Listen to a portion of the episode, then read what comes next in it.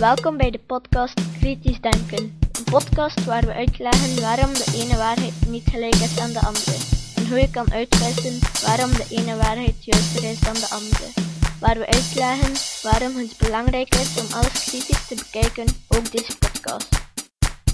Goeiedag, het is vandaag zondag 8 november 2009. Ik ben Jozef van Giel en dit is de 36e aflevering van deze podcast. Deze aflevering kwam tot stand dankzij Rick de Laat. Vandaag bespreken we de complexe problematiek van energievoorziening en de opwarming van de aarde. Ik ben ervan overtuigd dat de ganse milieuproblematiek, waar we op dit moment mee te kampen hebben, waarschijnlijk een van de grootste uitdagingen is die de mens ooit heeft gekend. Het gaat hier over het voortbestaan van onze soort. En indien niet, ten minste over het voortbestaan van onze cultuur. Kunnen we de wereld redden? Ondergang. Jared Diamond heeft een zeer confronterend boek geschreven genaamd Ondergang. Ik ben van oordeel dat iedereen die nogal licht doet over de milieuproblematiek eens het boek zou moeten lezen.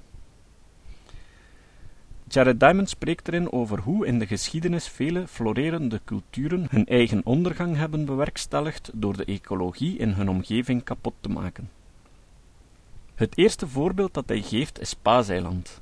Paaseiland werd bevolkt door Polynesiërs die er via de Pitcairn-eilanden geraakt zijn. Het eiland is door de Europeanen ontdekt door de Nederlander Jaap Roggeveen in 1722.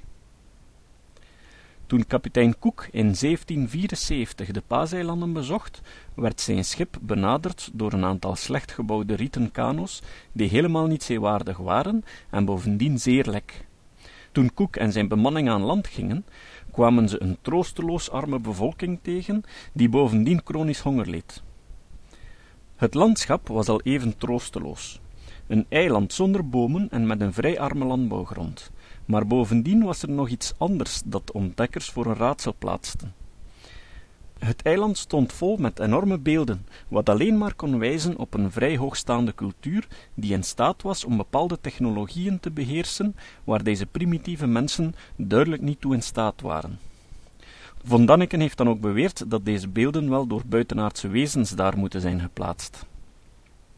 Maar als je mijn vorige afleveringen al gevolgd hebt, zal je waarschijnlijk wel begrijpen dat ik zo'n uitleg niet serieus neem. Bovendien beweert hij dat de gesteenten waarvan de beelden gemaakt zijn op het eiland niet voorkomen, wat helemaal niet klopt. Archeologisch onderzoek toont aan dat alle stenen uit één welbepaalde groeve op het eiland komen. Bovendien kan je op die steengroeven nog half afgewerkte beelden tegenkomen. Over Von Danneken spreek ik misschien nog wel in een latere aflevering. De uitleg die Jared Diamond geeft is echter veel waarschijnlijker en komt overeen met de wetenschappelijke consensus. Volgens Diamond zijn de Polynesiërs daar waarschijnlijk rond het jaar 900 aangekomen. Op dat moment was het eiland volledig bebost en ook bewoond door zeevogels die het eiland opzochten om te broeden. Archeologisch onderzoek heeft ondertussen aangetoond dat op het eiland de grootste soort palmbomen ter wereld groeiden, met stamdiameters van meer dan 2 meter. Nog groter dan de Chileense palm. Door de hoge vruchtbaarheid van het eiland konden deze kolonisatoren een hoge levensstandaard aanhouden.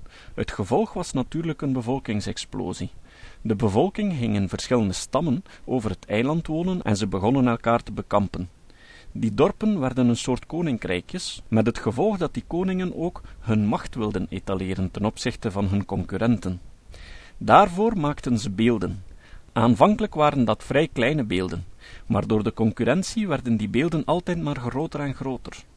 Die beelden werden uitgehouwen uit een groeve op het eiland dat vrij ver stond van de dorpen, en bij gevolg moesten die beelden over grote afstand getransporteerd worden. Hoe doe je dat? Zoals de Egyptenaren hun piramiden bouwden? Met veel mensen, veel zweet en tranen en vooral veel rolhout. Dat rolhout kwam van de bomen uit die prachtige bossen. Het gevolg was dat de bevolking geleidelijk aan het volledige eiland leegkapte. Daardoor veranderde het klimaat en ontstond er droogte.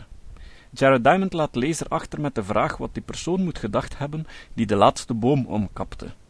Diamond merkt op dat hij waarschijnlijk niet veel dacht. De bomen zijn van generatie op generatie geleidelijk aan verdwenen, en tegen dat de laatste boom eraan ging, wist de bevolking al lang niet meer dat het eiland ooit rijk bebost was. Net zoals wij altijd maar kleinere en kleinere vissen vangen en niet beseffen dat diezelfde soort vroeger veel groter was. Toen de Europeanen de Canadese kusten gingen bevolken, konden ze daar naar hartelust kreeften vangen van enkele tientallen kilo's. Tegenwoordig vinden we een kreeft van twee kilo's een reus. Het gevolg van de leegkap was een ineenstorting van de volledige beschaving van het eiland. De Europeanen die later het eiland betraden, ontdekten nog onafgewerkte beelden op de steengroeven en zelfs beelden die onderweg waren naar hun bestemming, wat moet wijzen op een vrij plotse ineenstorting. Door de leegkap veranderde het klimaat van het eiland volledig. Er ontstond droogte en door het verdwijnen van de begroeiing erodeerde de grond volledig, waardoor de oogsten mislukten. Ook een andere bron van voedsel verdween. Door de ontbossing en de ratten die met de mens hadden meegereisd, waren de broedvogels verdwenen, zodat ook eierenrapen er niet meer in zat. Er ontstond een burgeroorlog, een opstand tegen de leiders. De verschillende stammen bekampten elkaar en men was, om te overleven, genoodzaakt om over te gaan tot cannibalisme. In enkele jaren stierf meer dan 80% van de bevolking uit. Wat overbleef was het miserabele allegaartje dat door Roggeveen ontdekt werd. Het eiland was onherstelbaar beschadigd, zodat het onmogelijk was voor de bevolking om op eigen krachten opnieuw de beschaving van weleer op te bouwen.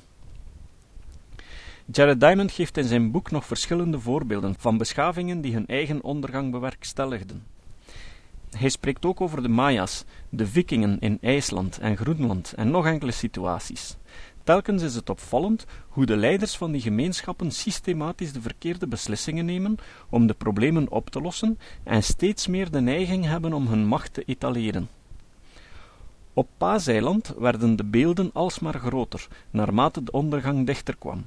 In het geval van de Maya's werd de kalk op de muren van de huizen van de leiders altijd maar dikker zonder dat dat nut had. Dat allemaal terwijl die nutteloze activiteiten allemaal steeds een groter impact op het milieu hadden. De ganse streek werd ontbost voor de houtskool die nodig was bij de productie van kalk.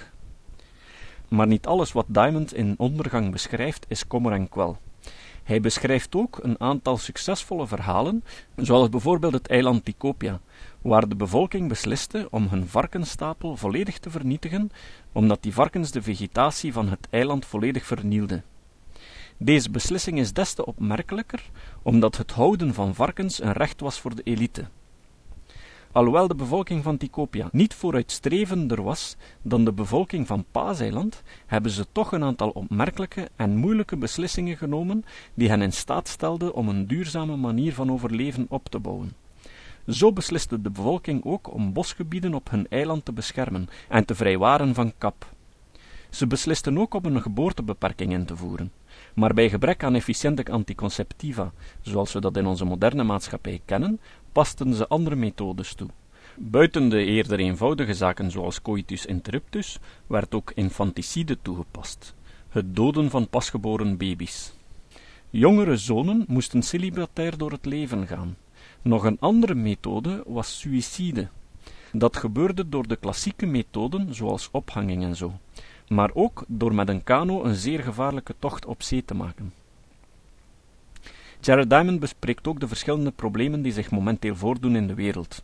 Het is soms ontluisterend om te horen met welke immense problemen landen zoals Australië te maken hebben.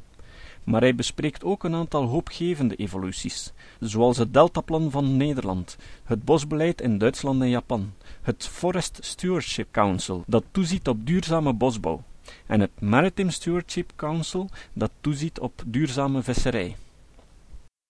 We moeten de aarde aanzien als het paaseiland. Het is wel groter, maar de problemen zijn ook complexer. Jared Diamond stelt de vraag aan de lezer wat we moeten doen. Hij stelt de retorische vraag of technologie de problemen zal oplossen. Het is duidelijk dat gewoon blijven voortdoen zoals we bezig zijn en wachten tot een ondernemer toevallig een winstgevende technologie ontwikkeld heeft, die onze maatschappij een duurzame toekomst kan garanderen, een illusie is. Een hele mooie beschrijving van zo'n decadente maatschappij is de film Wall-E van Walt Disney en Pixar, met het robotje dat afval opraapt op een aarde dat door de mens verlaten werd. Een verandering van gedrag dringt zich op. We zitten alle zes miljard in hetzelfde schuitje. Als we er niet allemaal samen iets aan doen, dan gaan we er allemaal samen aan ten onder. Maar we zien toch voortdurend datzelfde gedrag als die koningen van Paaseiland, die elkaar bekampen met het grootste beeld. Mensen willen nu de grootste en duurste auto. Het succes van de SUV's tegenwoordig is zo'n geval.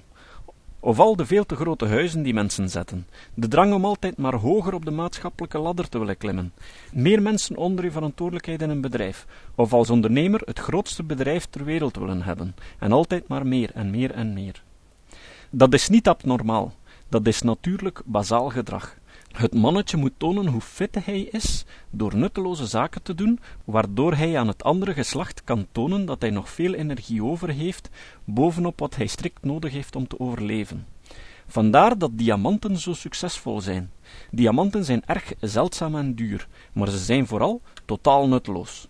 Het geven van een diamant is dan ook een signaal om aan te tonen hoe fit je bent. Daarom ook dat zirconiumoxide geven niet hetzelfde is. Je ziet helemaal geen verschil, behalve met gespecialiseerde apparatuur, en je kan een veel grotere briljant maken. Maar het is goedkoop. Bovendien kan je nu technisch diamant synthetisch produceren. Ze is veel zuiverder dan natuurlijke en niet te onderscheiden. Maar de gever van een diamant beseft waarschijnlijk meestal niet wat een enorme ecologische en menselijke ravage het delven van diamant aanricht. Als hij dat wel beseft, is de situatie des te decadenter.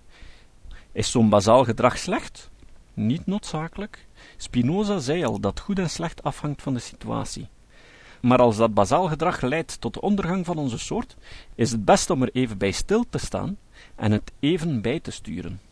Als iemand bijvoorbeeld tegen mij begint op te scheppen over zijn wagen, en hoe snel hij rijdt, en hoe vinnig, en hoeveel kilowatt vermogen, en het maximumkoppel, dan stel ik pertinent de vraag: en hoeveel verbruikt hij? Na een meestal minder enthousiast antwoord op mijn vraag reageer ik dat mijn wagen 5 liter verbruikt. Ik moet daarvoor wel de snelheidsbegrenzen op 100 km per uur plaatsen, maar dat scheelt mij slechts 30 minuten op een trip tot Luxemburg, maar het helpt ook voor de veiligheid en ik heb 30 minuten meer om naar podcasts te luisteren. We kunnen perfect dat bazaal gedrag omturnen in positieve zaken, door bijvoorbeeld te pochen over hoeveel geld we wel uitgeven aan ondersteuning van wetenschappelijk onderzoek, of milieubehoud, of het bouwen van een passief huis, of hoeveel tijd we steken in het maken van een podcast om de mensen bewust te maken van het belang van kritisch denken en de milieuproblemen. Het was mijn bedoeling om in deze aflevering een overzicht te geven van de belangrijkste problemen en mogelijke oplossingen voor onze omgeving. Ik wou nog spreken over levenscyclusanalyse, over biolandbouw en genetisch gemanipuleerde gewassen en over kernenergie. Maar ik stel nu al vast dat het niet zal lukken. Ik zal er weer verschillende afleveringen van moeten maken. De volgende zal dus gaan over kernenergie. Maar voor ik stop, kan ik het toch niet laten om een persoonlijke ervaring te vertellen die ik klasseer in de categorie hoe het niet moet. Ik heb deze rubriek genoemd groen of roze. Groen of roze? Ik denk dat de ecologische problemen veruit de grootste uitdaging van onze generatie is. Het voortbestaan van onze soort hangt er gewoonweg vanaf. Ik kan het niet genoeg herhalen. Het lijkt dan ook niet meer dan logisch dat iedereen die tot dit inzicht gekomen is, a priori gaat stemmen of zelfs lid wordt van de Groene Partij. Niet? Nu ga ik ervan uit dat een partij probeert zijn belangrijkste agendapunten te realiseren. Van een liberale partij mag je verwachten dat ze zich inzetten voor de vrijheid en voor vrij ondernemerschap.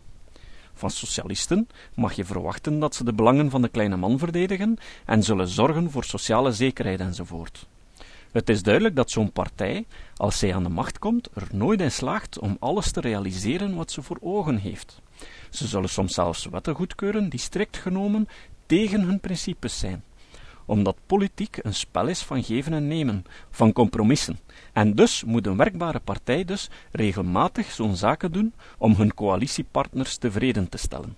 Daar is niets mis mee. Dat is het spel van de democratie. Maar ik zie niet direct de Socialistische Partij afkomen met een voorstel om bijvoorbeeld de vennootschapsbelasting af te gelasten. Misschien stemmen ze zo'n wet wel mee omwille van de coalitie, maar zelf in een programma zetten? Nee. Van een groene partij mag je dus verwachten dat ze een programma hebben van natuurbehoud, bescherming van de ecologie, biodiversiteit en noem maar op.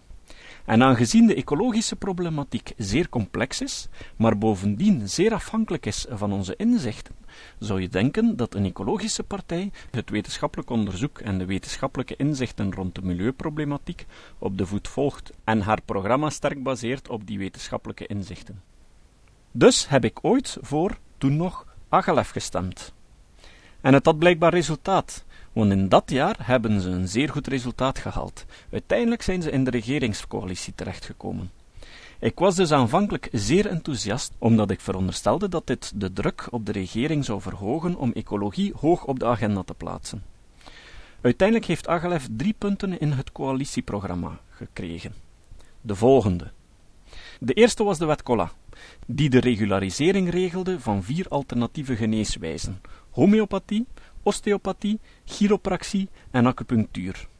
Het was voor mij onbegrijpelijk dat een groene partij zich zelfs maar met deze nonsens bezig hield. Het heeft niet alleen iets te maken met ecologie, het is bovendien waarschijnlijk de slechtste wet die ooit door het parlement gestemd is. Geneeswijzen moeten beoordeeld worden op hun bewezen effect. Daarvoor heb je helemaal geen aparte wet nodig. De tweede was de milieutax op verpakking.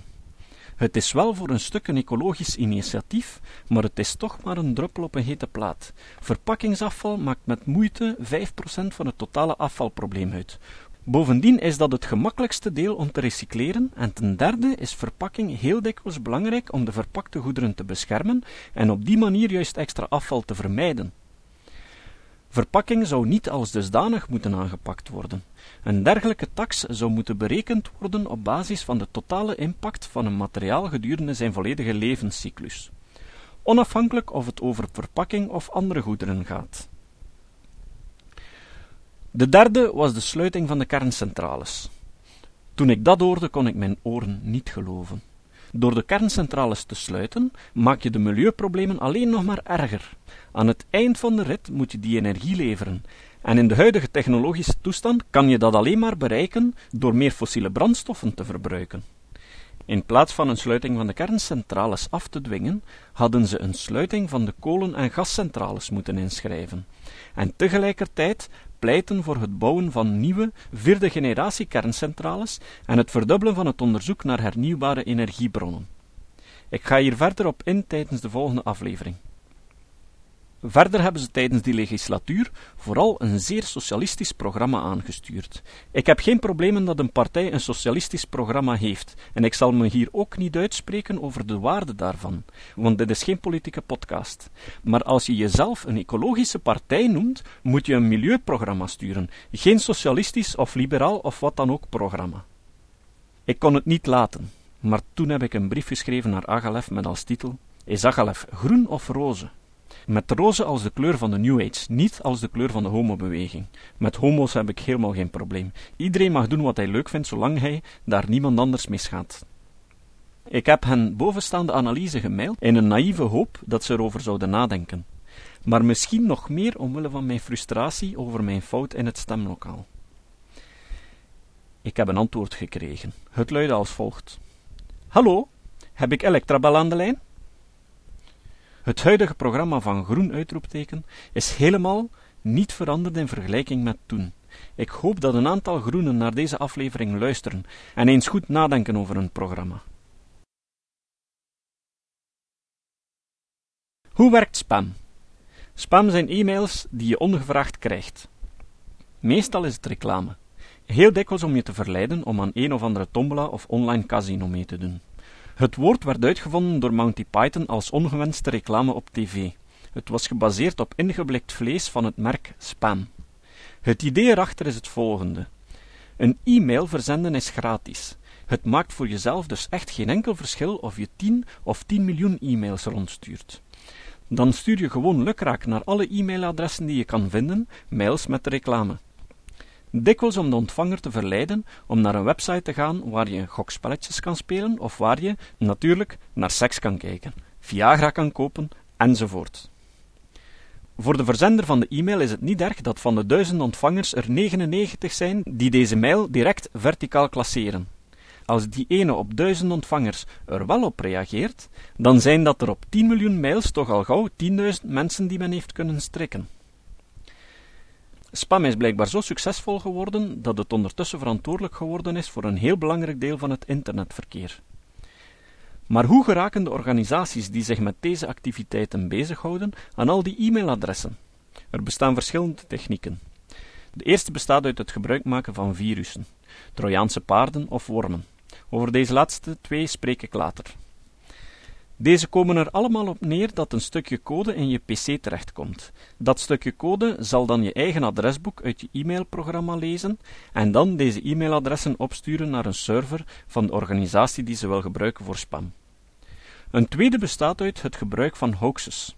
Zoals we in de vorige aflevering zagen, vragen zulke mails je soms om ook de e-mail door te sturen naar een centraal adres waartegen het protest gericht is. Dit adres kan gemakkelijk omgeleid worden naar het adres van de spammer.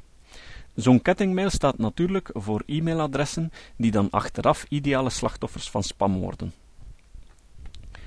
Een derde bestaat uit lijsten van e-mailadressen die gekocht en verkocht worden op het internet.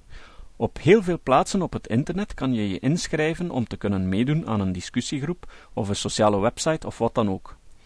Je vraagt je dan soms af hoe het mogelijk is dat zo'n website kan overleven zonder geld te ontvangen van de leden. Het antwoord is eenvoudig: ze verkopen die e-mailadressen.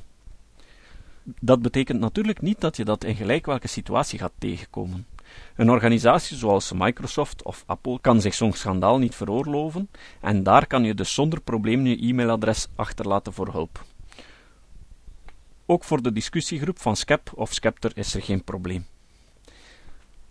Maar daarom is het altijd een goed idee om je eigenlijke e-mailadres alleen door te geven aan goede vrienden en familieleden, en om voor andere doeleinden een apart e-mailadres te onderhouden. Er zijn honderden organisaties waar je gratis een e-mailadres kan registreren, bijvoorbeeld een Gmail-adres bij Google of Live of Hotmail-adres bij Microsoft, bij Yahoo enzovoort. Op het moment dat er te veel spam binnenkomt via zo'n adres, kan je gewoon een nieuw e-mailadres maken en je oude afsluiten.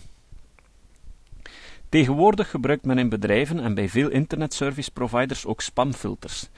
Die filteren vooral op basis van bepaalde sleutelwoorden maar het is niet altijd even effectief. Zo zou een mail tussen twee gynaecologen die over vaginale kanker discussiëren als spam kunnen worden gefilterd. Een vierde manier bestaat erin om websites te scannen, zoals zoekmachines doen, en daarin te zoeken naar e-mailadressen. Programma's die zo'n dingen doen noemt men bots, afgeleid van robot. Aangezien de bewegende delen van een robot ontbreken, is het geen volledige robot, maar wel een bot. Bots zijn wel programma's die zelfstandig op het internet tussen aanhalingstekens leven en daarom die naam verdienen. Daarom dat heel veel websites op de contactpagina geen e-mailadres plaatsen, maar in plaats een invulformulier ter beschikking stellen waar je je vraag kan stellen. Bij zo'n formulier zie je dan heel dikwijls ook een veld waarin je gevraagd wordt om een tekst over te typen die je op een figuur kan zien waarin de letters nogal vervormd worden afgebeeld. De reden hiervoor is dat men er zeker van wil zijn dat het formulier ingevuld wordt door een mens en niet door een computerprogramma. Men maakt hier gebruik van het feit dat de mens veel beter is in het herkennen van beelden van een programma. Zo'n beeldje noemt men een caption. Ondertussen is er een organisatie die van deze nood een deugd gemaakt heeft. De organisatie zonder winstoogmerk, genaamd Recaptcha, ik plaats een link naar Recaptcha op de notities van deze aflevering op mijn website, heeft deze problematiek op een zeer ingenieuze manier uitgebuit, om onze cultuur en wetenschap ten dienste te zijn. Recaptcha levert de dienst aan websites om zo'n captions ter beschikking te stellen. Met andere woorden, in plaats van zelf allerlei vervormde afbeeldingen van teksten te maken en daar veel tijd in te steken, kan je dat werk overlaten aan Recaptcha. Die leveren je dan altijd captions af die uit twee delen bestaan. De tekst die je moet aflezen uit de getoonde figuur en moet intypen in het tekstveld is niet zomaar een willekeurig gegenereerde tekst. Nee, hij is afkomstig uit oude boeken. Recaptcha houdt zich bezig met het digitaliseren van oude boeken die dreigen verloren te gaan en die historische waarde hebben. De bedoeling is niet enkel om een afbeelding te hebben van elke bladzijde door die te scannen, maar ook de digitale tekst, zodat zoekmachines er gericht op kunnen zoeken. Dat digitaliseren kan je in theorie doen door gebruik te maken van optische karakterherkenningsprogramma's, maar die maken veel meer fouten dan menselijke lezers. Aan de andere kant zijn menselijke lezers onbetaalbaar duur. Het idee van reCAPTCHA is enorm ingenieus en verrassend eenvoudig. In plaats van menselijke lezers voor elk uur te betalen dat ze een boek moeten lezen, doen ze het volgende. Ze bieden aan formulieren op websites een afbeelding aan van een aantal letters. De afbeelding bestaat uit twee delen. Het ene deel is tekst die al onderzocht werd en waarvan reCAPTCHA dus weet wat erin staat. Het andere deel bestaat uit tekst die nog niet onderzocht werd. Om toelating te krijgen om het formulier op te sturen, moet de gebruiker de volledige tekst die door reCAPTCHA wordt voorgesteld correct intypen. Van het eerste deel weet reCAPTCHA wat er al staat, en dus kan dat deel gebruikt worden om te controleren of het inderdaad over een menselijke gebruiker gaat en niet over een computerprogramma. Maar aangezien de gebruiker ook het tweede deel intypt, is hij op dat moment voor reCAPTCHA een nieuw deel van een boek aan het decoderen. Eenzelfde deel wordt ter controle aan meerdere gebruikers aangeboden en als de antwoorden consistent zijn, kunnen die opgeslagen worden voor verder gebruik, en als een afgewerkt deel van een boek. Merk op dat het telkens maar over enkele letters gaat. Maar als er dagelijks enkele miljoenen gebruikers over de ganse wereld op die manier captions invullen, kan je toch vrij snel veel boeken ontcijferen. Een variant van spam is phishing, daar spreek ik later over. Het citaat. Het citaat van vandaag komt van Marie Curie. Zoals iedereen weet was Marie Curie samen met haar echtgenoot een pionier in de radioactiviteit. Ze heeft twee keer de Nobelprijs ontvangen, bovendien in twee verschillende disciplines, scheikunde en fysica, en dat werd later alleen door Linus Pauling herhaald. Ze was ook de eerste vrouwelijke Nobelprijswinnaar. Marie Curie zei: Begrip verjaagt de angst. Tot de volgende keer.